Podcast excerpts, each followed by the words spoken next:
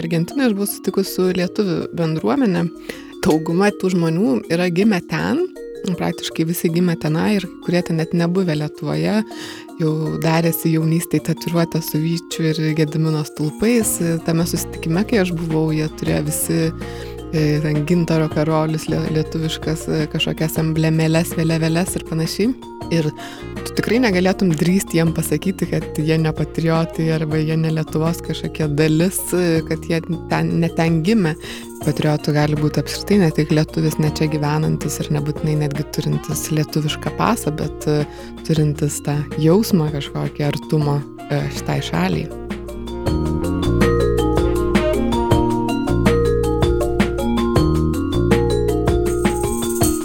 Jūs klausotės Nailo podcast'o, vietos, kur kas savaitę bandome suprasti modernų pasaulį. Su jumis Karolis Višnauskas iš Nanuk multimedijos agentūros. Sveikiname Jūs įžengus į naują nepriklausomos Lietuvos šimtmetį. Tai yra didelė šventė, kuri leidžia užduoti didelius klausimus. Pavyzdžiui, ką mums reiškia Lietuva?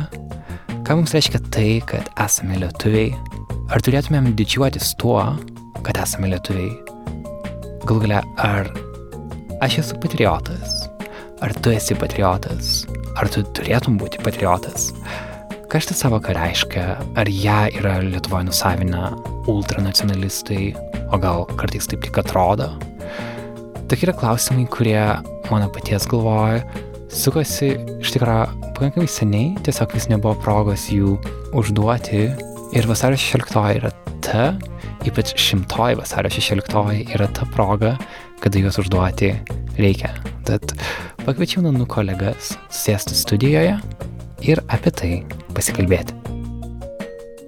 Sveiki, aš esu Karolis Pilypas Liutkevičius ir esu Nanų komandos videografas ir multimedijų žurnalistas. Aš esu Berta Tilmantaitė, Nanuk bendrai kurieja ir multimedijų žurnalistė. Aš esu Artūras Morozovas, esu fotožurnalistas. Aš esu Mindaugas Drigotas, multimedijų žurnalistas. Kazimiras, IT žmogus Nanuko, atsakingas už svetainės kūrimą ir vystymą. Jei panašus lietuvybės klausimai rūpi ir jums, pasilikite kartu, galbūt rasime atsakymus arba bent jau tam tikrą mąstymo kryptį. Grįžtam į vasario 16-ąją.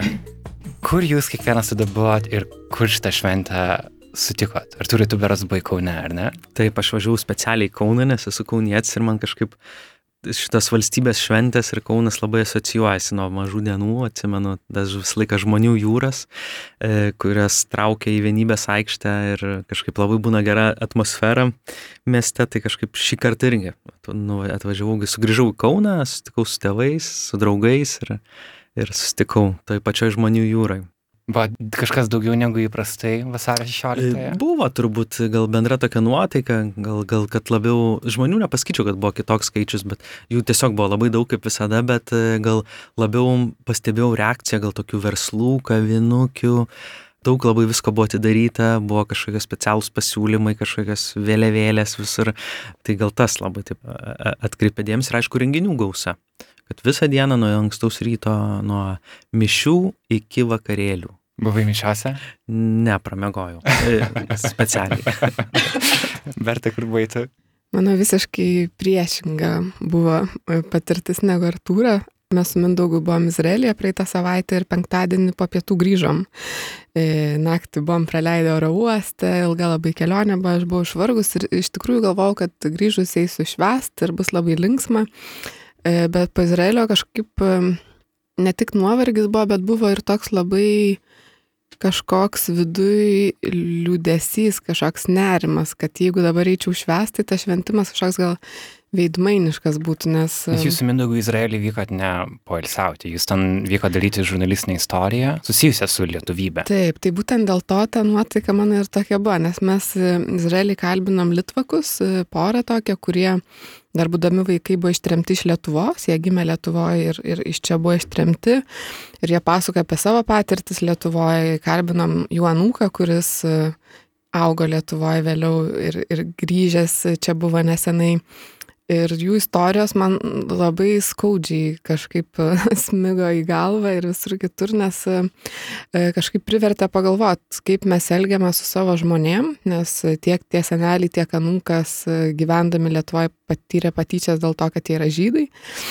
Ir apie tai galėsiu toliau daugiau pakalbėti, būtent nes labai kažkaip įdomi tema ir privertė susimastyti, ir bet toks kažkoks slogumas neleido švęsti ir aš tiesiog mačiau šventę telefone iš nuotraukų žmonių ir istorijų Instagram'e ir pro langą ferverkus dar pažiūrėjau, bet kažkaip šiemet švent, jeigu aš visą laiką švesdavau iš tikrųjų, pakiliai, būdama dažniausiai užsienį kažkur, bet kalbėdavau apie tai, visiems paminėdavau, kokia šiandien diena papasakodavau, užsivilkdavau kokius marškinėlius su vyčiu ir jausdavau pakiliai. Tai šiemet buvo kažkoks toks visiškai kitoks laikas ir, ir galvoj, e, norėjęs ne, kažkaip gal peržengti tą kažkokią vat, ribą, kad reikėtų ne tik švęsti ir džiaugtis, bet galvoti, ką reiktų dar keisti, ką reiktų dar padaryti ir kaip mums visiems toliau reikėtų aukti. Mm. Kazimirai, tu esi uh, Lietuvos Lenkas, taip galima sakyti, būtų teisinga? Galima, galima tai pavadinti, mano tėvai yra Lenkai. Uh, aš baigiau Lenkų klasę, bet mokiausi Lenkų rusų mokykloje. Ir koks tavo santykis yra su lietuviškam šventėm? Nes gali atrodyti, kad tai yra tik lietuvių, lietuvių reikalas, bet iš tikrųjų tai ne aš taip šiaip blogas labai pavyzdys esu, nes aš, kalbant apie vasario 16, tai aš tiesiog buvau namie ir dirbau. Bet, nu, žina, žinant, pažįstant mane, tai dabar... Kiekvieną dieną esi namie ir dirbi. ne, ne visą laiką namie, bet kartais ofise, bet kas pažįsta mane, tai tikrai, nu, žino, kad tai nėra iš principo kažkoks toks elgesys, ne, kad man tai nieko nereiškia. Aš irgi, e, aš tik tokios geros priežasties neturiu kaip Mindugas Suberta, bet aš irgi stebėjau Facebook'e, šiaip internete, kas vyksta ir mano sesė klausė, tai niekur šiandien nevarysiu darysi ir aš galvoju, nu, jeigu kažkas ištemptų, tai aš su mielu noru, greičiausiai, nu, aš toks žmogus, kai mane ištempė, tai aš su mielu noru, aš galiausiai dar padėkoju, kad mane ištempė, bet iš esmės e, buvau namie ir dirbau, turiu prisipažinti. Ar dirbai prie nanuk? E, kol kas dar, aš dirbau prie kitų dalykų, kad kuo greičiau galėt, galėčiau grįžti ir visom paėgom kaip prie nanuk darbų. ok, jūs juokėtės. Ne, dėl to, kad čia labai tipiškas Kazimiras, kuris gali parašyti naktį, kad dabar kažką padarė ir atliko. Tai kažkaip man atrodo, kad čia jo tikrai, kaip jis sako, kad čia nieko keisto, tai nieko keisto. Tai nėra nepagarbų valstybės. Ne, ne, čia kaip tik garbė, nes jis dirba ir kuria, kuria dalykus čia svarbius ir gražius. Aš yeah. visą laiką galvoju, kad nedatose esmė. Nu, jos simbolinės, bet iš esmės daug svarbiau yra, kaip tu kasdien elgiesi. Tas nusako, tą šventimą. Nu, nežinau, kartais galima ir perkelti tas, tas šventės savo pačią asmeniškai. Karaliu, tu buvai kine vasario 16-ąją. Taip, aš buvau kine. Aš visą vasario 16 praleidau su savo drauge. E, aš šiaip nemėgstu masinių sueigų, tai aš kažkaip, kažkaip vengiau um, to buvimo pagrindinėse aikštėse. Dėl to nuvažiavai į Akropolį. Jo, nes ten, ten buvo, ten, kad ir kaip gaila, bet ten buvo pirmasis e, Black Panther juodosios panteros sensas, kurį aš radau. E, pirmasis rodymas, e, kai tik pasirodė premjeros datos repertuaro. Tai va, su drauge nuvažiavau pasižiūrėti to filmo ir aš manau, kad tai irgi yra savotiškas Lietuvos ir nepriklausomos Lietuvos, žinau, kad daug kas maišo šitą šventę su nepriklausomybės e, švente, bet, bet man tai yra irgi savotiškas Lietuvos šventimas, nes tai yra e, labai svarbus kultūrinis reiškinys visame pasaulyje. Ir galimybė man prisijungti prie to, laisvai prisijungti prie to, irgi labai daug ką reiškia.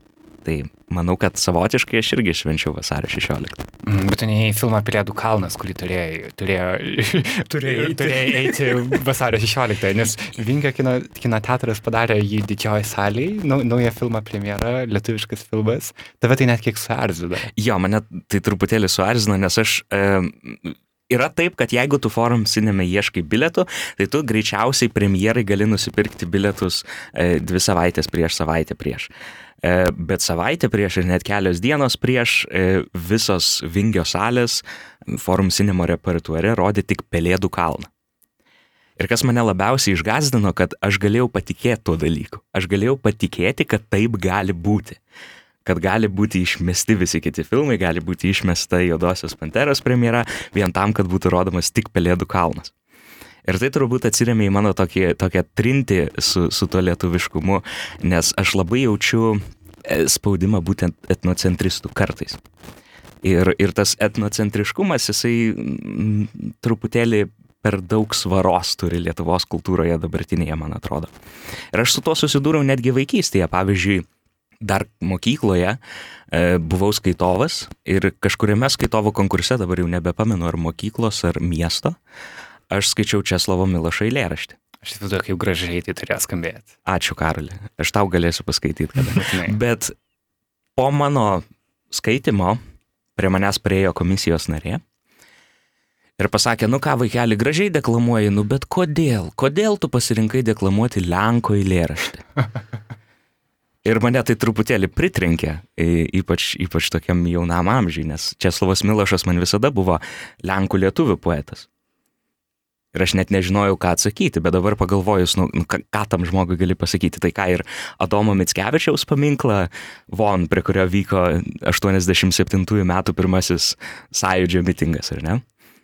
Kažkaip nelogiška, bet su tuo tokiu etnocentristiniu bandymu pasistatyti sienas ir padaryti tai tik savo šventė ir padaryti tą šalį tik savo šalim. Aš susiduriu. Ir, ir tai truputėlį gazdina. Ir todėl tas, tas pats, e, žinai, pamatymas, kad bus rodomas tik Pelėdų kalnas, aš juo galėjau patikėti. Ir tai mane išgazdino, nors neturėtų. Ir čia turbūt yra esminis, esminė problema, kodėl mes apskritai kalbame apie tai. Ar yra tas susitarimas, kad jeigu mes švenčiam lietuviškumą, tai mes automatiškai užsidarom nuo viso kito? Nes, pavyzdžiui, Karlio atveju žiūrėti filmą, kuris yra iš esmės filmas apie um, tokią fikcinę Afrikos šalį, kuris kalba apie uh, juodaodžių teisės, tokia paralelinė prasme. Um, tai gali kitiems atrodyti kažkaip šventvagiškai žiūrėti nacionalinės tautinės šventės dieną. Ir šis nuolatos atsiranda. Ir tu gali būti ir lietuvių, ir pasauliečių vienu metu. Teoriškai tu, turi, tu gali, savai aišku. Bet Lietuvoje ta trintis tarsi yra. Ar mes ją gal patys savo galvoje turime? Problema galbūt yra ta, kad a, Lietuvoje yra dažnai šventės, apie šventės galvojama, kad reikia ją švesti kažkaip vienaip ar ne kitaip. Pavyzdžiui, Kazimiero atveju, kai jis buvo namuose, bendrame kontekste Lietuvos atrodytų, kad, eje, turim tokią didingą šventę, tu ją praleidai namie, nekeliavai su visa mase į miestą, kur vyko renginiai ir panašiai, tu jos net šventai tada. Ir man atrodo, kad toks požiūris yra pakankamai įdingas. Mes patys susikūrėme šventę, tai gali būti net ne vasario 16, ką ir Kazimiras mini, kad mes turėtume galvoti, kaip apskritai elgiamės. Ir man kartais atrodo, kai perskaičiau vat, vieną straipsnį, tiksliau tik antraštinę straipsnį, kur buvo, kas grėsia už tai, kad jeigu neiškelsite Lietuvos trispalvės vasario 16. O kažkas grėsia už tai? Kažkas grėsia, grėsia bauda, kad e, bendrijos pirmininkai, jeigu neiškelia vėliavos ant savo namo, jie gauna automatiškai baudą arba įspėjimą. Ir Nepaisant, kad e, mes kalbam apie patriotiškumą, bet man tas bausmių faktas vien jau kelia tam tikrą įtampą ir nesusipratimą, kad mes norime būti šalies patriotai, bet baudžiame žmonės, kurie galbūt, jeigu tas straipsnis vat, yra būtent pasirodęs, kad kažkas gal ir nepasikabins tos vėliavos, arba kažkas gal pasikabino atvirkščiai, tokių irgi atvejų yra buvę atvirkščiom spalvom, kiekvienais metais tai įvyksta ir tai nuskamba tada Lietuvo žiniasklaida, bet aš sakyčiau, na ir kas? Man kartais atrodo, kad to nacionalizmo pas mus vat, yra labai daug ir jis yra netgi iškrypęs, bet apie tai galėsim toliau diskutuoti apie tą globalumą ir nacionali, nacionalizmą, kuris ir- galbūt sveikas galėtų būti. Ir kaip klausimas, kaip rasti vidurį? Arturai, man tu atrodo kaip žmogus, kuris tą vidurį yra radęs. O Dar- Karoli, kaip tu šventai vasario 16? Aš atlikau visus ritualus, aš e, nuėjau prie visų laužų, e, tiksliau ne prie visų, ten jau labai daug buvo, aš nuėjau prie, bent prie dešimties laužų e, Gedimno prospekte, a, tada aš nuėjau į tą prie katedros, kur buvo ten LRT darė tokia transliacija, buvo skirtingi muzikiniai pasirodymai, buvo varpas ten katedros aikštėje keičiantis e, šviesas e, ir buvo daug žmonių, buvo gražus ferverkai, aš kažkaip norėjau to tokio masiškumo kažkokio, žinai, jaus kitus žmonės, man tai kažkokio, kažkokį turi žavesį. Ir tada aš suvalgiau burgerį viename iš restoranų, kas yra šventė, nes rečiau tai darau, nes labai brangus burgeriai patapo. Ir tada nuėjau į filmą Black Panther. Ir kitą dieną aš jau vieną koncertą lofte, kitą dieną dar į kitą. Ir šiandien žinau, kad kai mes įrašinėm Kraftwerk groja uh, Vilniui, iš šitą jaunėsiu, bet vis tiek galvoju, kad man tas toksai kultūros buvimas aplinkui yra nuostabiausias dalykas apie Lietuvą ir kad tu gali iš to rinktis. Aš, aš tiesiog mačiau daug, kokias man teikia džiaugsmą. Ir tai, kad aš tiesiog, o galiu tą filmą, galiu tą koncertą, galiu tą knygą skaityti, galiu su žmonėmis diskutuoti apie šios dalykus, man čia turbūt yra toks Lietuvos kaip savaime suprantamas dalykas, kurį mes galvom, bet iš tikrųjų jis nėra savaime suprantamas ir daugybė šalių, kur to negalėtum daryti. Tai va, bet ar turi, aš noriu perėti prie tavęs, nes tu, man atrodo, turi šiek tiek kitokį santykį su lietuvybė, nes tu eini šiek tiek giliau. Tu, pavyzdžiui, domiesi ir etno kultūra, kurią Karolis čia lyg ir šiek tiek kritikavo. Tu iš dalies pakeitė ir mano požiūrį į tai, nes, pavyzdžiui, jeigu aš anksčiau sutikčiau žmogų su festivalio mėno jodaragis lipduku ant kompiuterio, kas ant tavo kompiuterio yra, aš iš karto kažkokį automatiškai įtarumą turėčiau. Nors galvoju, kad tas festivalis yra turbūt puikus festivalis, aš ten kol kas nesu buvęs. Aš dar trumpam įsiterpsiu. E, aš kalbėjau apie etnocentristinę kultūrą, kuri mato tik etninius dalykus ir nieką kito. Ir aš ją jaučiu. Ir jį truputėlį man yra savotiškas peilis, žinai. Mhm. E, bet e, dėl, dėl etnokultūros, tai apie kurią Artūras kalba.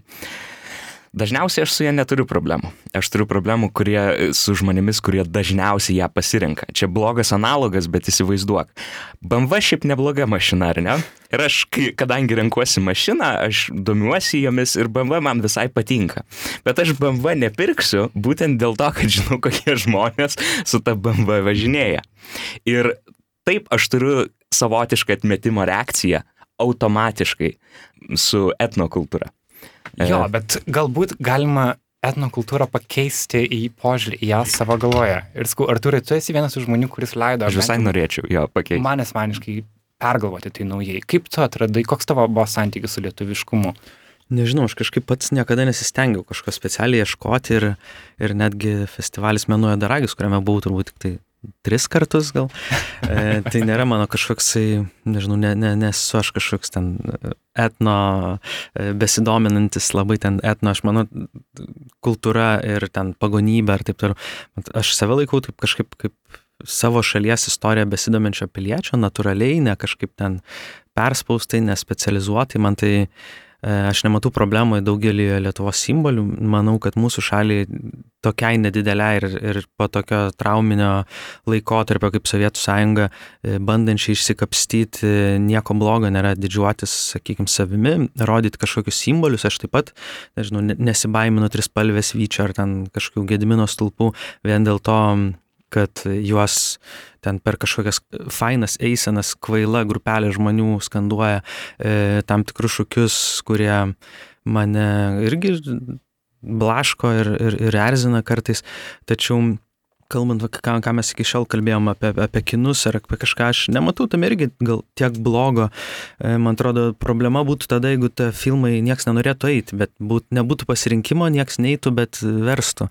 E, dabar kažkaip, vat, kiek, kiek tenka dalyvauti šiuose šventėse, važinėti per Lietuvą ir matyti kad žmonėm to labai reikia ir man atrodo, kad tas pilietiškumas yra truputį ir susijęs su savimonė.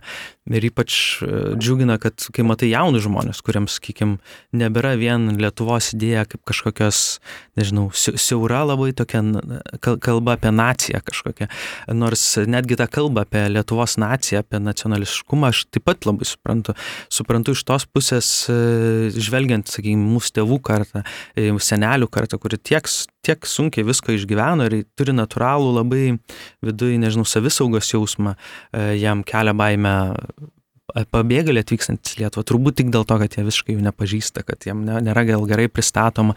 Ir man atrodo, kad šito viso, ne, nu, nežinau, nereikia baimintis, norėtųsi, kad tie mūsų simboliai visi asocijuotųsi ne tik su šitom dienom, o kaip ir Berta gal sakė, kad mes pirmiausiai pagalvotume turbūt, ką reikia keisti ir kad, kad visi šie simboliai mus lydėtų turbūt ir per pokyčius, nebūtume sustabarėję kažkokie konservatyvūs ir, ir kad tarsi jeigu tu esi, e, kaip dabar mes matom dažnai, ten trispalvę prisidengiančių žmonės ten dėl skalūnų dujų protestuojančius, dėl pabėgėlių protestuojančius, dėl atominės elektrinės protestuojančius, dėl, dėl žemės pardavimo užsieniečiam ir taip toliau ir taip toliau. Ir, ir tada tie simboliai, ką mes turbūt anksčiau vienam, vienam iš podcastų kalbėjom apie, apie tą galimybę devalvuoti, ko kažkokį vyčio, sim, Mm. vy, vy, vyti, sakykime. Arba tiesiog manyti, kad yra tik tai realiai nacionalistiškai mąstančių žmonių simbolis, apie ką ir turbūt kalbėjo, Taip, kad taip. jeigu BMW automobilis e, nėra blogas automobilis, bet mes jas automatiškai siejam su ten siubingai žmonėmis. Ir čia yra pavojus, tas yra pavojus buvo ir vat, Lukiškio aikštės turbūt konkurso, kur, sakykime, Andrius Lavašauskas, mūsų kartos jaunas e, menininkas, kuriejas e, pasirinko taip pat labai giliai, savaip išanalizavo, sakykime, Lukiškio aikštės idėjos, laisvės kovų idėjos, temoje pateikė labai šio laikiškai, man atrodo, labai puikiai apjungdamas kartas žmonių, tačiau atsirado kažkokia grupė žmonių, kurie pradėjo naudoti savo gale, savo įtakom, ryšiais kažkokiais ir stumti per jėgą vyti. Ir tas vytis jaunų žmonių akise tapo toks, gal visi girdėjom tokie, a, nu čia tie vytininkai, čia tie, tie, nu tarsi negatyvi tokia. Ir ta- tame yra pavojai, bet keliaujant per Lietuvą aš labai matau žmonių natūralų labai tokį ryšį su, nežinau, Lietuvos tam tikrais simboliais, su Lietuvos e, atributika kažkokia. Ir mane tas labai kažkaip džiugina. Ir man atrodo, kad tai nėra problema, prasme, kadangi nacionalizmas yra savyje talpina ir tam tikrus e, gal problemas ir tam tikrus neiš, neiškes e, vietas, kaip ten požiūrį į kitataučius, požiūrį į, sakykime, netradicinės šeimas ir ten taip toliau ir taip toliau ir taip toliau.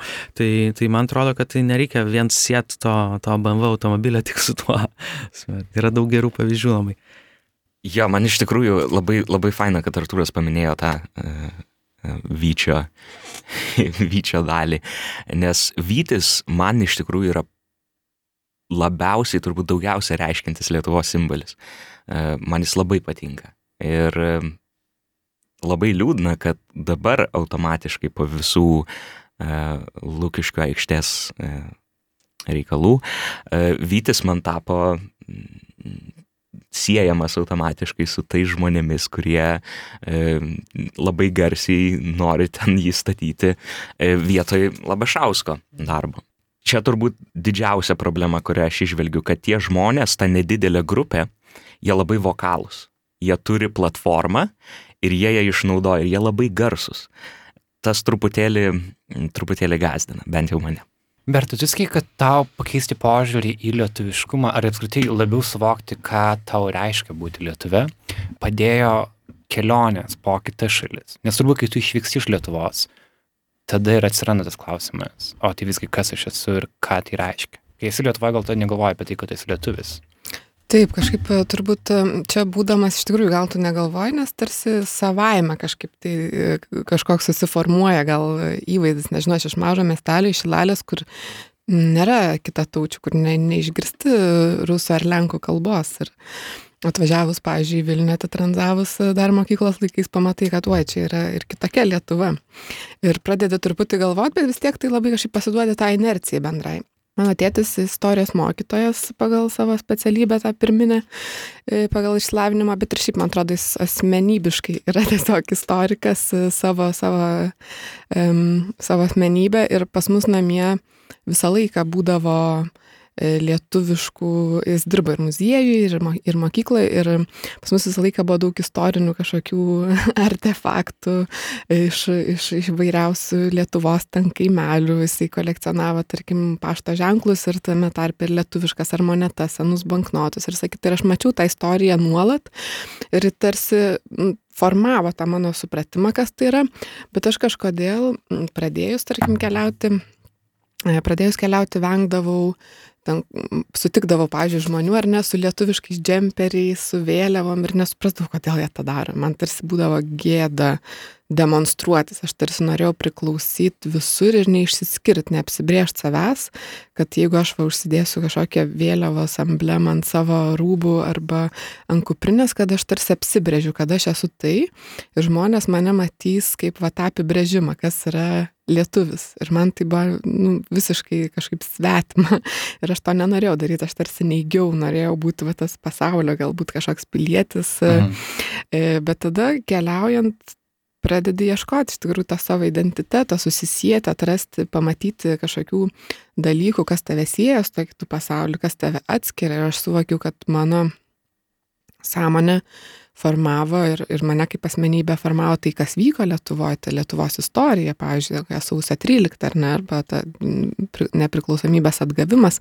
Ir kai aš nuvažiuoju į kokią, tai, kad ir Latino Amerikos šalį, aš galiu susijęti e, mūsų istorinės patirtis tam tikrą prasme, arba nuvažiavus į Junktinės Amerikos valstijas, atsimenu, kai keliavau dar būdama 22 berots, ir ten man draugė pasakojo, kaip jos mama būdama neščia valgė krembriulė ir visą kitą, mano mama būdama neščia e, sužinojo, kad įvyko, pavyzdžiui, Černobilio atominės elektrinės sprogimas ir, ir mm. negalėjo gauti maisto. Aš suvokiu, kad tos skirtingos mūsų patirtis, kaip mes augom ir kokiom aplinkybėm m, gyvenom, kad mums tai labai yra, kad mums tai labai daug reiškia. Ir aš nebūčiau tuo, kuo esu ir tokia, kokia esu, be tų visų patirčių. Ir tada aš pradėjau jas labiau vertinti ir nebebijoti apibrėžimų e, kažkokių ir nebebijotų simbolių, kurie gali išduoti, kas aš esu ir iš kur aš esu. Ir tada pradėjau drąsiai nešioti ir tą patį vyti ir, ir vėliavą, e, suvokdama, kad tai nu, nėra tas toks dėžė ir apibrėžimas, kad iš tikrųjų mano identiteto kaip lietuvės e, neturi ribų kažkokių. Ir jeigu mane kažkas bandys apibrėžti vien tuo, tai jau to žmogaus, o ne mano problema yra. Aš dar atsimenu tą laikotarpį, gal apie kurį vat, irgi kalbi, ten nuo, nuo, nuo 95 iki 2005 metų, kada Lietuva ten stengiasi tapti kuo, kiek įmanoma vakarietiškesnė valstybė ir jai tai labai sėkmingai pasisekė. Čia nesam dviejų pagrindinių turbūt sąjungų alijanso nariai, bet e, tuo metu aš irgi atsimenu taip pat save, kad e, tas lietuviškas ženkliukas ant kuprinės reiškia tiksliau gal jo net nesinorėjo, norėjęs kuo daugiau kažkokių vakarietiškų simbolių, pirmiausia, ten Pepsi ar kolos ar kinder surprizo rankoje. Tai reiškia kažkokią kokybę. Kiek tavyje yra vakaruos, vakarų, e, tiek, reiškia, tuo tu, kok, nežinau, sėkmingesnis kažkuo esi. Ir tai, Tai būdavo, o kitas dalykas, e, labai per vasario 16 irgi e, skai, skaičiau, dabar prisiminiau, kai Berta kalbėjo apie tą pasaulio pilietį, apie kelia, keliaujantį žmogų ir daug per vasario 16 skaičiau gražių sveikinimų e, žmonių, bet kurie vis pabrėždavo, kad jie yra kažkokie pasaulio, sakykim, piliečiai. Ir aš taip pat pagalvojau, kad pasaulio piliečiais neapibrėž save, apibrėž save kaip pasaulio pilietį irgi Galima turbūt, bet vėl dėl ko tu turbūt esi tas pasaulio pilietis, dėl to, kad turbūt mūsų šalis sugebėjo, mūsų, tai nežinau, tėvai pasistengė dėl to, kad mes turėtume tokį pasą, su kuriuo galėtų keliauti, su kuriuo ir mes patys savo darbais ir dabar stengiamės turbūt, kad mūsų tas pasas ir tautybė kažkaip leistų, leistų būti pasaulio piliečiu. Man apsitai netrodo, kad pasaulio pilietis jis turi keliauti. Pasaulio piliečiu gali būti ir šilalį, jeigu tu Taip. esi išsilavinęs žmogus, skaitai, domiesi, kas vyksta ir vėl neapsiriboji savęs vien, vien tuo lokalumu, e, bet e, esi bendraja prasme plačiai matantis e, aplink save, kas vyksta aplink save tą plačiają pasaulinę, pasaulinę prasme. Aš manau, kad sveikiausia turbūt būtų įsivaizduoti save Lietuvos piliečių, bet Lietuvą įsivaizduoti pasaulinėme kontekste. Ir turbūt čia yra vienintelis būdas e, išsaugoti ir savotiškus e, kažkokius, kažkokias etninės vertybės, bet kartu ir neizoliuoti savęs. Gerai, o kada tavo identitetas yra įvairesnis, Kazimirai, aš grįžtu prie tavęs, uh, tu turi ir lenkiškas, ir rusiškas šaknis. Jeigu tas paklausčiau, ar tu esi lietuvis, tu atsakytum? Aš atsakyčiau, kad taip, nors nu, tas, tas, tas sakymas taip. Jeigu paklausčiau, ar, tu esi, yra... ar tu esi lenkas? Ne, negalėčiau taip pasakyti, kad esu lenkas, tikrai ne. Aha. Nes automatiškai, nu, suprantat, viskas nu, net taip iš esmės paprasta, jo. E, aš, pažiūrėjau, visą laiką, kai kalbu e, kažkokiom m, mm, temom, kur reikia pasisakyti, pažiūrėjau, ten apie, apie Lietuvą, tai visą laiką vartoju žodį mes, ne, kad me, mums reikėtų, mes ten darom taip ir naip, kad, e, ta prasme, aš priskiriu tai kategorijai, bet iš esmės, kai kalbėsi vienas, vienas ant vieno su žmogum, lab, šiaip keistokai skamba, kai tu pavadini save lietuviu, nors tavo tėvai automatiškai e, Lenkai, ne, kai tu esi baigęs e, Lenkų e, rusų mokyklą tai tas automatiškai, nu, šiek tiek keistai man skamba. Ir tos pilnos, tokios pilnos, kad aš pilnai šimto procentų save e, jausčiau lietuvių greičiausiai Nu, sunku, sunku būtų man taip, bet, nu, atvirai kalbant. Bet klausimas, ką tai keičia? Aš prisipažįstu, būtent, iki, šios, būtent. iki šios susitikimo aš nežinojau, kad tu apskritai turi lenkiškas šaknis, nors tave pažinojau kurį laiką ir man tai absoliučiai nerūpėjo. Nesau, kad dabar tai kažką keičia. Jo, bet aš tai, ar mes, gal mes per daug mastom, ar žmogus yra lenkas, ar yra rusas, ar yra lietuvis. Gal tai tiesiog yra Na, koks skirtumas? Aš tai pilnai tau žinok pritariu, nes automatiškai važiavau šiek tiek, man Berta vakar parašė, e, pasakė, pakalbėti šiek tiek e, tom, tom temom, tai aš važiavau ir, ir galvojau, nu, ką iš dalies noriu pasakyti, e, nu vis tiek iš savo patirties. Tai galiausiai va, tas klausimas ir kyla, va, ir, ir kas iš to, jo, dal, daleiskim, nors iš esmės asmeninė patirtimi grindžiantis, aš, aš, aš asmeniškai nesusidūriau su kažkokiais tais diskriminaciniais dalykais ir visą kitą, aš visą laiką labai keistai uh, klausydavausi žmonių, kurie kalbėdavo tam temom, nes aš asmeniškai ne, nesu patyręs, bet aš esu matęs, aš esu girdėjęs, ne, aš esu girdėjęs pasakymų, kai žmonės susiduria su, su kažkokiais diskriminaciniais dalykais vien dėl savo tautybės, daleiskim, ne.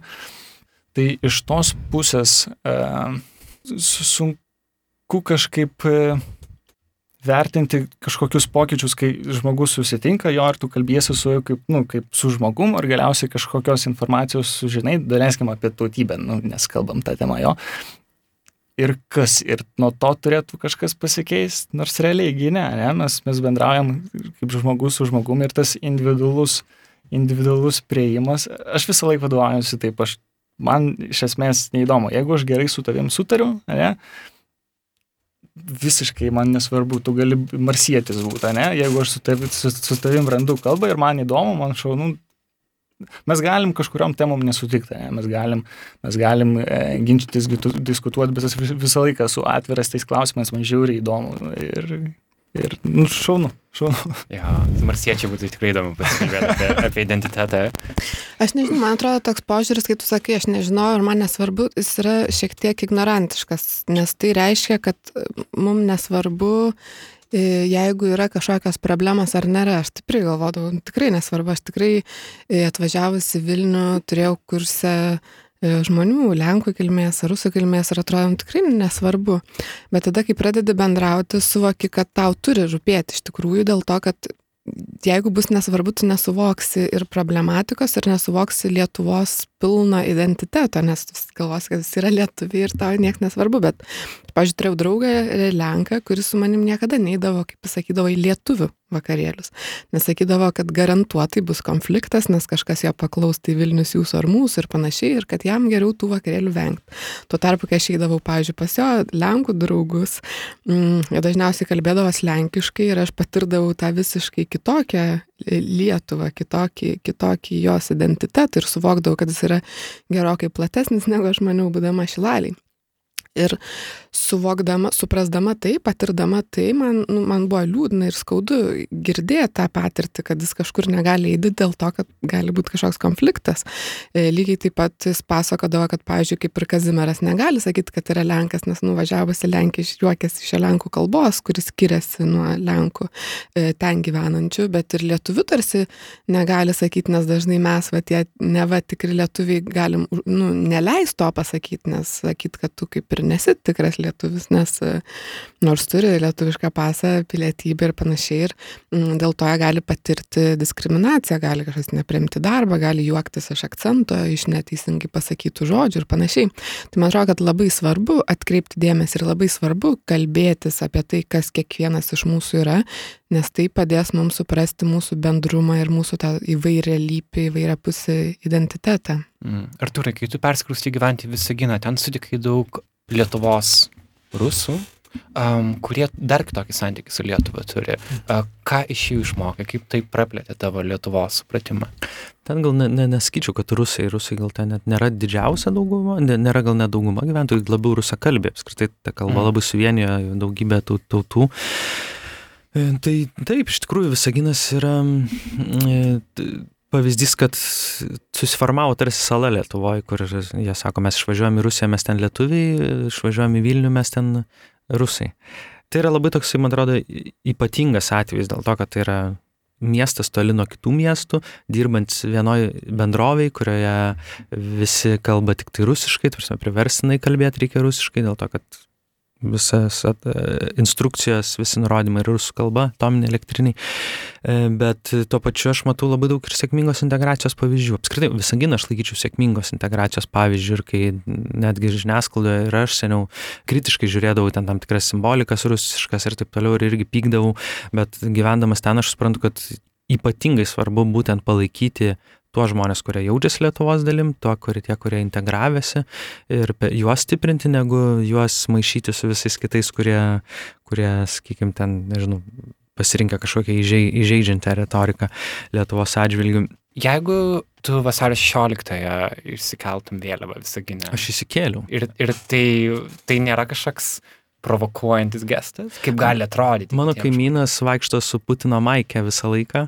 kuri pro jo halato kampą žiūri į mane, kai aš susitinku ir aš manau, kad savo šaly vėliau įsikelt e, nieko nėra tokio aš įsikėliau ir įsikėlė mano kieme dar trys žmonės, visam visaginė dar daugiau žmonių ir man atrodo, kad čia vat gal net jausdami tokias baimės gal net ir nėra gerai, reikia tiesiog elgtis natūraliai, man atrodo, ir, ir viskas, nežinau, viskas pasirodo viskas gerai, niekam ta vėliava neįdomi, ką aš, ką aš ir įtariu. Ir tiesiog man Visaginas patinka labai kaip miestas toks topinis, kur tu girdi rusų kalbą, girdi lietuvių kalbą, girdi ukrainiečių kalbą ir, nežinau, Lietuva davė, suteikia pilietybės ten gyvenantiems žmonėms ir, mm. žinau.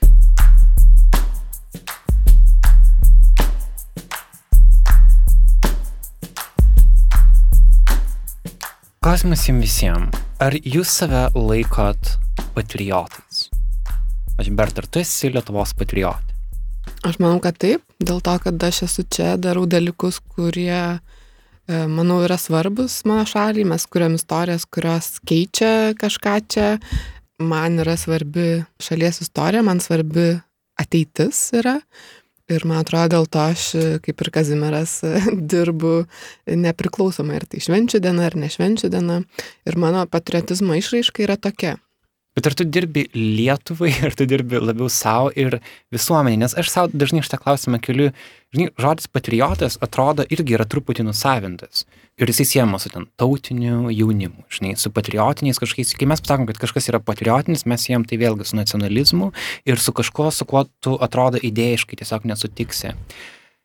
Bet gal šitą žodį irgi reikia atsimti, o gal tokios problemos nėra, gal vėlgi jinai yra labiau mano galvoje, o jūs to nematot. Čia vėl yra apibrėžimo problema, kaip tu tą apibrėžimą mm. matai ir kaip tu tą žodį, kokia jo definicija tau yra. Man irgi sakant žodį patriotas, atrodo stringa kažkas gerklinį, mm, kažkas gal ne taip, nes žinai tokių žmonių, su kuriais visiškai nesutinki, kurie save vadina patriotais ir su kuriais nenori tapatintis, bet aš galiu susikurti savo žodžio reikšmę ir prasme patrioto ir man buvimas Lietuvoje, kai aš galėčiau būti užsienį ir dirbti užsienį kitoj šaly, yra patriotizmo išraiška ir yra pasirinkimas mano sąmoningas dirbti čia ir kurti dalykus čia, kurių čia nėra ir kur, kurie aš noriu, kad būtų čia ir kurie mano galva mūsų šitai šaliai yra svarbus. Tai mano tokia išraiška yra. Mm. Jis gali būti kitokia, bet jinai nebus, žinai, nepatriotiška ar nepakankamai ar per daug, kad man atrodo, kiekvienas iš mūsų turi kaip ir lietuvybės, lietuvybės identiteto kažkokį apibrėžimą, taip ir šito mes galim turėti savo ir ten karolio ėjimas žiūrėti to filmo užsienietiškai irgi gali būti patriotizmas, nes jis palaiko laisvės idėją ir galimybę tą filmą žiūrėti. Tai man atrodo, kad čia vėl reikėtų tos žodžius at, at, at, savo susigražinti kai kuriuos ir susikurti jų ir perkurti jų konotacijas, tas bendras ir, ir, ir per, per, perdėlioti, dekonstruoti negatyves reikšmės ir susikurti teigiamas. Mm. Man atrodo irgi, kad e, tas apibrėžimas patri, patriotiškumo, patrioto taip pat yra pasirinkimo dalykas. Aš irgi renkuosi gal nesėt to vien tik tai su Lietuvos nacionalistais, ultranacionalistais, sakykime, bet e, aš taip pat save laikau visiškai patriotu ir, ir e, nesuvokiu save kaip e, šito šalies dalį. Savo darbais labai matau prasme ir matau pokyčius ir suprantu, kad tie pokyčiai yra vardan mano ir mano aplinkos ir mano šalies rytojaus. Ir lygiai taip pat turbūt tą, pas, tą apibrėžimą patriotas su kažkokia neigiama prasme, tai taip pat matau kaip savo atsakomybę, matau savo atsakomybę kaip lietuvę, kad e, mano šalyje vis dar patriotizmo dalis yra kažkokia, kažkokia miglota, gal nelabai gražiai apibriešta ir lygiai taip pat kaip žurnalistą, dėl to, kad man atrodo, ir žurnalistai prisideda prie šito termino, nes dažniausiai žiniasklaida, kada mes girdim žodį patriotizmas, tai kažkodėl kartais ir būna būtent apie tos kovo 11 ir vasario 16 eitynės, kažkokie lietuva lietuviam šūkiai, tai man tas irgi nepatinka, bet aš manau, kad irgi mes savo darbais tai keičiam ir, ir, ir, ir negalima prasme, leisti tokio stipraus termino turbūt sužaloti jį ir nusavint šiai grupeliai tautininkų, kurie yra labai su tam tikrų siaurų labai mąstymu. Nors kita vertus, kad ir kaip man nepatiktų jų tas mąstymas, aš manau, kad per istorinės epochas tas lietuviškas tačiokiškumas ir ribotumas ir netgi savotiškas neįsi, neįsilavinimas ir baimės tam tikrus momentus mus irgi apsaugoja kaip šalį, kaip nedidelę šalį, bet e, tai nėra 21 amžiaus turbūt pasirinkimai ir, ir man atrodo, kad reikia labai pasitikėti savim, nežinau, nebijot būti patriotais gerąją to žodžio prasme ir, ir nebijot kalbėti keistą blogą šito žodžio prasme, mm. nors aš jas kažkaip nematau gal daug. Mm. Kazimirai, ir tu esi Lietuvos patriotas? Aš savo draugų kompanijų greičiausiai nesakyčiau taip, nes nu, pas juos supratimas šiek tiek greičiausiai kitoks yra patriotizmo, ne? Bet kalbantys su jomis pagal jūsų definiciją, tai, tai greičiausiai aš irgi pilnai save priskaičiu, nes man irgi rūpi, rūpi kas, kas čia vyksta, ne? man, irgi, man irgi labai norisi prisidėti savo darbu prie, prie tos e, gerovės. Ir aš mokyklos laikais e, greičiausiai buvau labiau patriotiškesnis, ne, Lietuvos atžvilgių. Aš pamenu, kažkada, per, e, kai buvo krepšinio kažkokios e, rungtynės, kur mūsų lietuvių kažkaip labai gerai ten sekėsi, pamenu, su vėliavėlė buvo atėjęs e, į mokyklą lietuvių. Ir kažkaip nu, mūsų klasė tas viskas labai nu, normalu buvo, nes visi daug kas žiūrėdavo krepšinį. Iš mokytojų e, pusės pastabų buvo gavęs, bet iš esmės, nu, ta prasme, aš visą laiką gindavau labai. Man... Gavai tu... pastabą už tai, kad ateistų vėliavėlė? Nu, ta prasme, supranti, tai nėra kažkokios, tai tokios, nu, taisyklės, ką tu čia darai, bet automatiškai E, nu, turim suprast, kad e, lietuvių, e, lenkų, rusų mokyklos jos šiek tiek kitokį gyvenimą gyvena ir automatiškai tu provokuoji savo tokių elgesių šiek tiek. Bet dėl ko aš esu labai dėkingas, greičiausiai aš labai mėgstu kartais atsekti, kur, kur mano prasidėjo tas mąstymas, toks, koks jis dabar yra.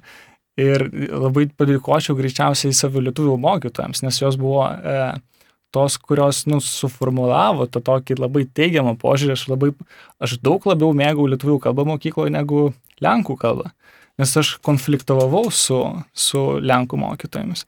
Ir greičiausiai tai ir, čia ir prasidėjo tas išsiskirimas, kad galiausiai, galiausiai aš lietuvių kultūrą pradėjau mėgti labiau negu, ne, negu lenkų. Bet vėlgi, kai, pasi, kai pasibaigė e, mokykla, aš pamenu, keliom dienom buvau vienas, pas vienas išvažiavęs į, į Lenkiją, į Varšuvą, nes ten turėjau reikalų susijusių su darbu. Ir tu, kai ištrunki iš tos tų stereotipų, ne, mokyklinių, kur va, tau mokytoja Lenkų asocijuojasi su, su lenkiška kultūra ir tu tiesiog jos nemėgsti, ne? Ir tu pamatai, kad blemba, ir ten fainų žmonių yra. Ir tu jau neskiri, tu tau jau vienodai. Tu, tu, tu kaip ir džiaugiesi, kad aš, turiu, aš galiu susišnekėti su jumis, nes aš kaip ir lenkiškai vat moku, aš galiu ir lietuviškai susišnekėti, aš galiu ir rusiškai susišnekėti. Tada pamatai, kad tai yra daug daugiau nu, pliusų turintis dalykas negu minus. Mm. Tai čia labai išsiaiškinti. Aš dar gal Kazimirą papildysiu. Atsimenu, kai mes tik pradėjom bendradarbiauti su Kazimiru, su Nanuk ir e, kai mes turėjom pokalbį apie legalų darbą, apie, apie mokesčius ir, ir tu sakai kažkaip, atsimenu, taip man sakai, kad mes pas mus visiškai pasirinkimas yra legaliai dirbti ir kad tu kalbėjai apie tą sunkę konkurenciją, nes yra daugybė įmonių, kurios dirba mm. nelegaliai ir gali visiškai dempinguoti kainas, numažinti, bet kai jūs pasirinkimas buvo tai daryti legaliai. Ir tai, man atrodo, irgi yra labai stipri patriotizmo išraiška išraiška, kad tau nėra vis viens. Man atrodo, visi mes, kūrybingi žmonės ir mokam, galėtume mokėti nuslėpti mokesčius, bet, bet mes juos mokam Ir tas, tas bu, supratimas ir buvimas, nežinau, bendroje gerovėje ir stengimasis dėl jos, tai man atrodo, čia viena iš tų patriotizmo išraiškų. Kitas dalykas yra... Mokėti mokesčius yra Taip, patriotiška. be abejo. Iš tikrųjų, kad- visiškai. O tai nėra lengva. Tai ypač, man atrodo, mūsų žiniasklaidos versija ir Nanuk, sakykime, įmonėje, tai nėra lengva, ne dėl to, kad pas mus žiniasklaidos tradicijos nėra tokios, nėra, nežinau, mokama daug už turinį, mes nepardavinėjom reklamų ir, man atrodo, mūsų visas šitas pasirinkimas, sakykime, visi mes galėtume tikrai gyventi geriau darydami kitus dalykus arba tą pačią ten, komercinę fotografiją dirbdami žiniasklaidos redakcijos, bet tai, kad mes darom, darom legaliai, tai man atrodo irgi, nu, mes ne šiaip savo darom. Tikrai ne dėl to, kad bijom teisinės atsakomybės kažkokios. Aš dar atsiminiau, dabar galvojau irgi apie tą lietuviškumą, lietuvybę ir patriotizmą. Ir, pavyzdžiui, Argentinoje aš buvau sutikus su lietuvių bendruomenė ir keletą, dauguma tikris, tiksliau tų žmonių yra gimę ten, praktiškai visi gimė tenai ir kurie ten net nebuvę Lietuvoje, jau darėsi jaunystėje tatuiruotę su vyčiu ir gedimino stulpais. Tame susitikime, kai aš buvau, jie turėjo visi e, ten gintaro karolius, lie- lietuviškas e, kažkokias emblemėlės, vėliavėlės ir panašiai. Ir tu tikrai negalėtum drįsti jiem pasakyti, kad jie ne patriotai arba jie ne Lietuvos kažkokia dalis, kad jie ten, ne ten gimė. Jie didesni, aš jaučiu, kad atrodo, jie yra didesni patriotai negu aš ir man tai kėlė galbūt tam tikrą gėdą ir vėl privertė permastyti ir, ir prisijaukinti tą žodį iš naujo, nes suvokiai, kad jisai gali turėti daug daugiau teigiamų prasmų, tos meilės ir, ir, ir prieraišumo ir kažkokio artumo jausmo mm, su sava šalim, su kuria tave sieja kažkokia istorija ir praeitis. Tai pat patriotų gali būti apskritai ne tik lietuvis, ne čia gyvenantis ir nebūtinai netgi turintis lietuvišką pasą, bet e, turintis tą jausmą kažkokį artumo e, šitai šaliai. Kaip ir Kazimiras sakė, jeigu Berta nebūtų pasisakius ir Artūras, tai aš iki šiol sakyčiau, kad patriotas man yra tokia savoka, kuri turi daugiau neigiamos konotacijos negu teigiamas. Čia juokas juokais, gaila, kad turime tokią televizijos laidą kaip Patriotai, kur irgi prisideda prie negatyvos konotacijos. Bet yra kaip yra ir kai... ką ta laida leis Tai paklausti? Jana, Rū- tokia laida yra jų Rūtos Janutinės per Lietuvos ryto televiziją, kuri vadinasi Patriotai. Ta kita laida, kur paminėjai, yra kaip yra. Irgi yra. Mes turime daug tokių patriotiškų, kabutėse laidų. Gaila, kad jų yra, bet Bet čia irgi, Bet tai tai kita irgi yra- laisvės dalis. Taip, žinai, ta laisvės dalis. Ir ta išraiška laisvės. Bet kai jį kelia pyktį ir hate speechą, tai irgi, man atrodo, savaime prasilenkia su tam tikru patriotiškumu, Riba mhm. nes riba yra labai slidi. Ir aš iki šiol žmonės, kurie darydavosi vyčio tatuiruotės ant krūtinės, kitur, nepaisant, kad aš irgi tatu- tatuiruočių turiu, bet ne, Bet ne lietuviškų ir, ir nevyčio, tai man keldavo tam tikrą tokį atstumimo reakciją, bet ne kažkokią priešišką, bet tiesiog, kad e, aš esu patriotas ir toks mušimas į krūtinę pasidaro. Ir aš to labai nemėgstu, nes man atrodo, kart, kartais reikia daryti darbus tiesiog nebūtinai, kad tyliai, bet be patoso ir didžiulės išraiškos. Ir patriotų tu gali būti, kaip ir Berta minėjo, kad buvo Argentinoje ir matė dar didesnius lietuvius, kurie negyvena Lietuvoje. Tai kas man, mane labai džiugina, kad aš matau vis daugiau lietuvių ir mylinčių Lietuvą, kurie galbūt net nėra Lietuvos piliečiai ir neturi paso ir gyvena užsienyje, bet beprotiškai myli Lietuvą. Ir tada mes, kurie gyvename čia Lietuvoje, sakome, kad tik mes esame lietuviai, tie, kurie iškeliavo, jau yra nebe lietuviai ir nebe mes. Ir suplakame savokas į mes ir jie, tai savaime tampa tokia konfrontacija.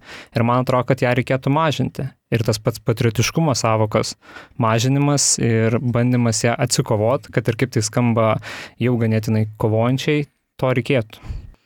Karali, Aš žinau vieną, kad jeigu Trumpas išsireikalautų mano gimimo liūdėjimo, jis prie tautybės ten pamatytų didelį, ilgą, lietuvišką alt 0150 brūkšnį.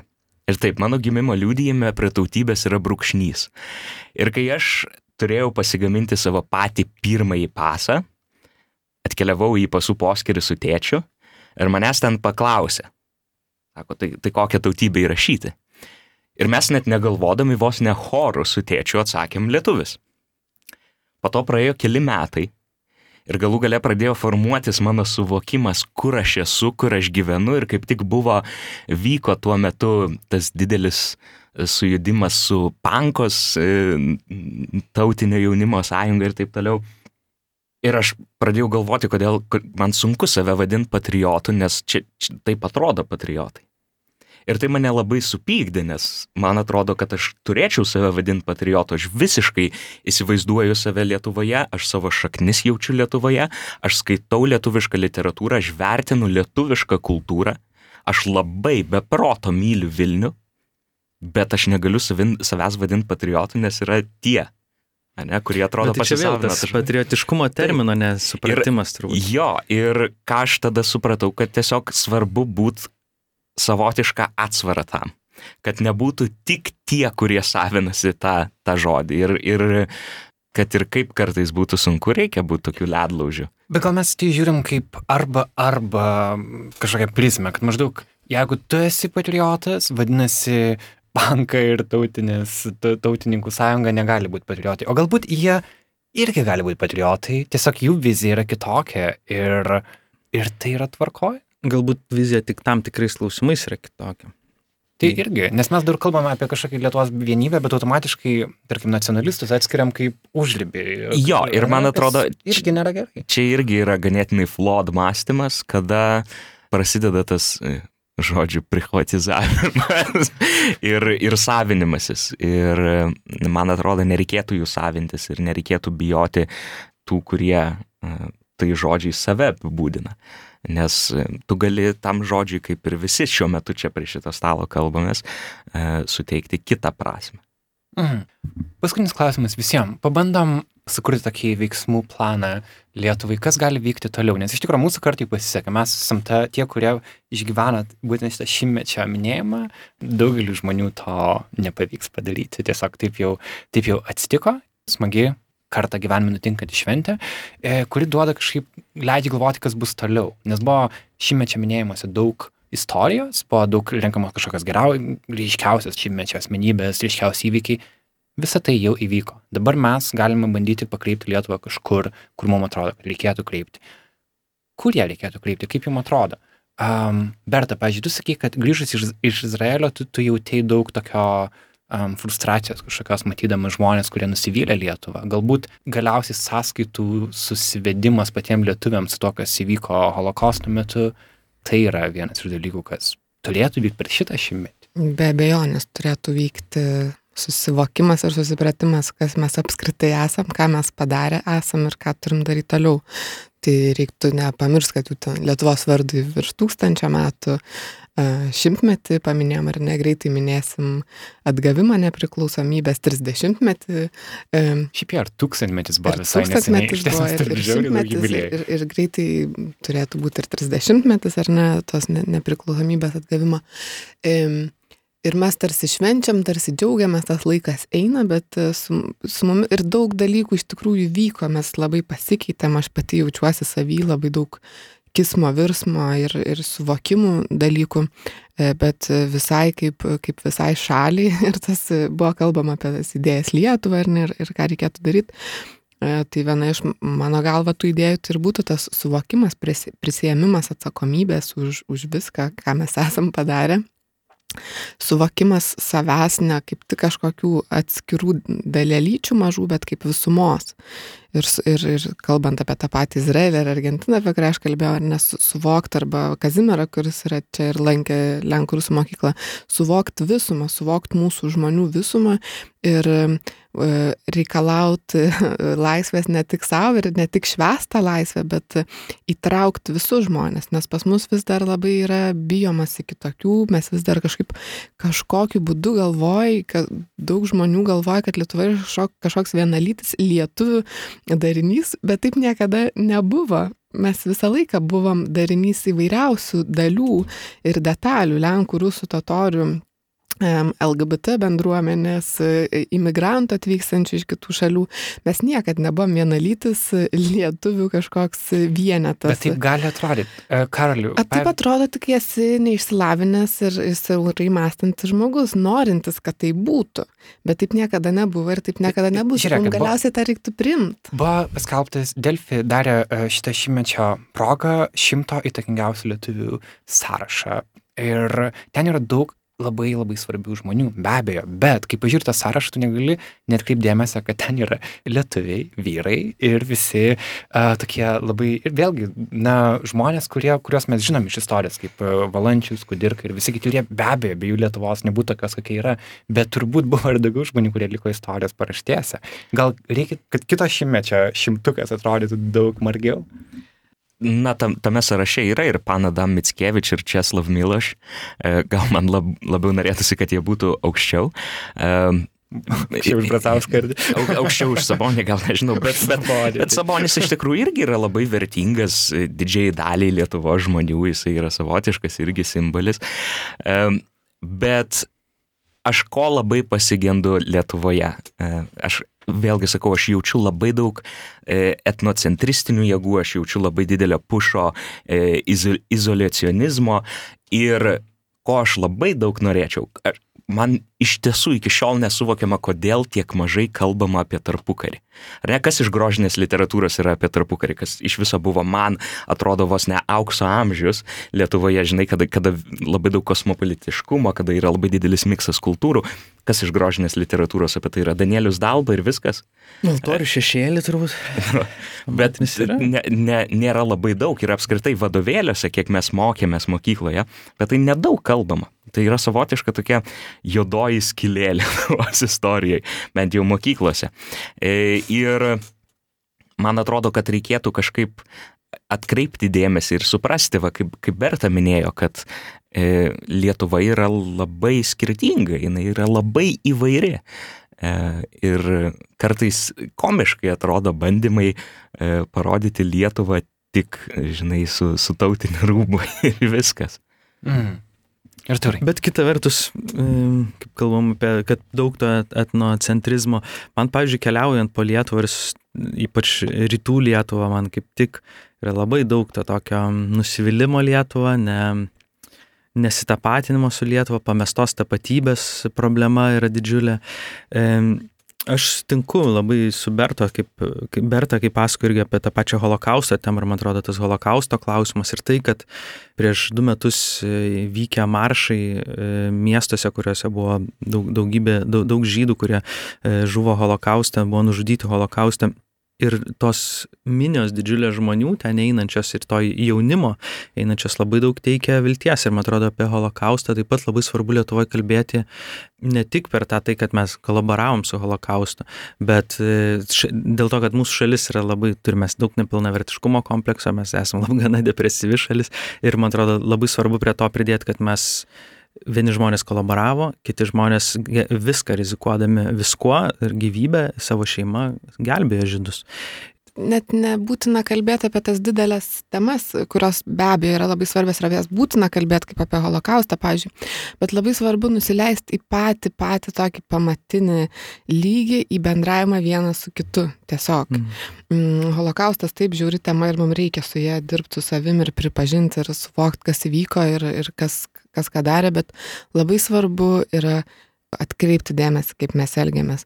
Nes holokaustas galbūt irgi nebūtų tokia problema, jeigu mes savo kaimyno ką ir dabar galim išgirsti vyresnių žmonių pasakojimuose, pavyzdžiui, apie vaikystę, o ta vaikystė buvo, tarkim, dar prieš holokaustą, kaip žmonės vadina savo ten kaimynus, tarkim, žydeliu arba žydelka, e, arba ja, ruseliu, ja, arba dar kažką. Tai yra toks menkinamas požiūris į, į tą žmogų, kuris yra tau visiškai lygus ir lygiavertis. Ir jeigu to požiūrio nebūtų, tai gal mūsų mhm. nebūtų mm. kolaboravimo ir holokaustą, dėl to, kad mes jį matytume, kaip kai kurie matė, ir mhm. gelbėtume kaip savo artimą žmogų. Mm. Ir tai vis dar tebėra, mes vis dar e, atstumėm savo Lenkus, mes vis dar atstumėm savo rusus ir savo e, kitataučių žmonės, imigrantus, nors jie yra mūsų, tai yra mes. Ir nuo to pradėjus mes galėtume toliau aukti ir žiūrėti, kaip, kaip, kaip ką, ką darom toliau.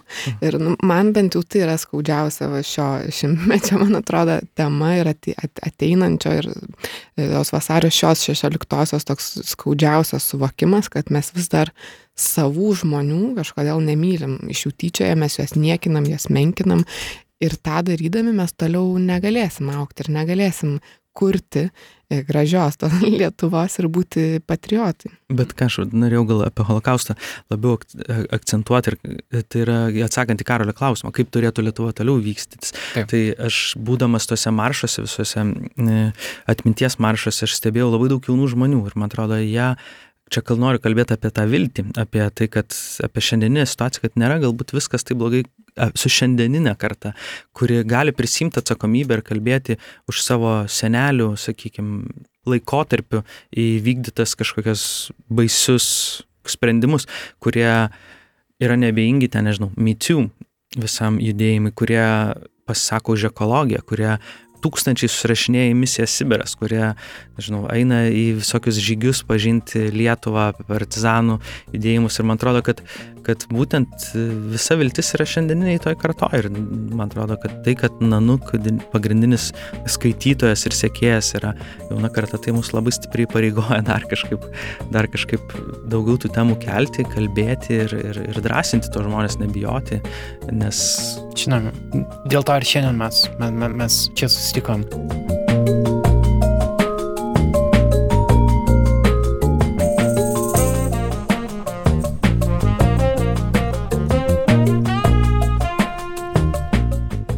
Ačiū visiems klausysiams. Ir ačiū naujausiams mūsų Patreon rėmėjams - Gintarį Venslauskaitėjai, Olegui Plidiukui, Kristinai, Emilijai Juodytei, Žygimantui Menčiankovui ir Aušrai Kukelkaitėjai. Mūsų yra jau 149 Kompanijos adresas yra patreon.com pasvirasis brūkšnys nanuk multimedia kaip vienas žodis.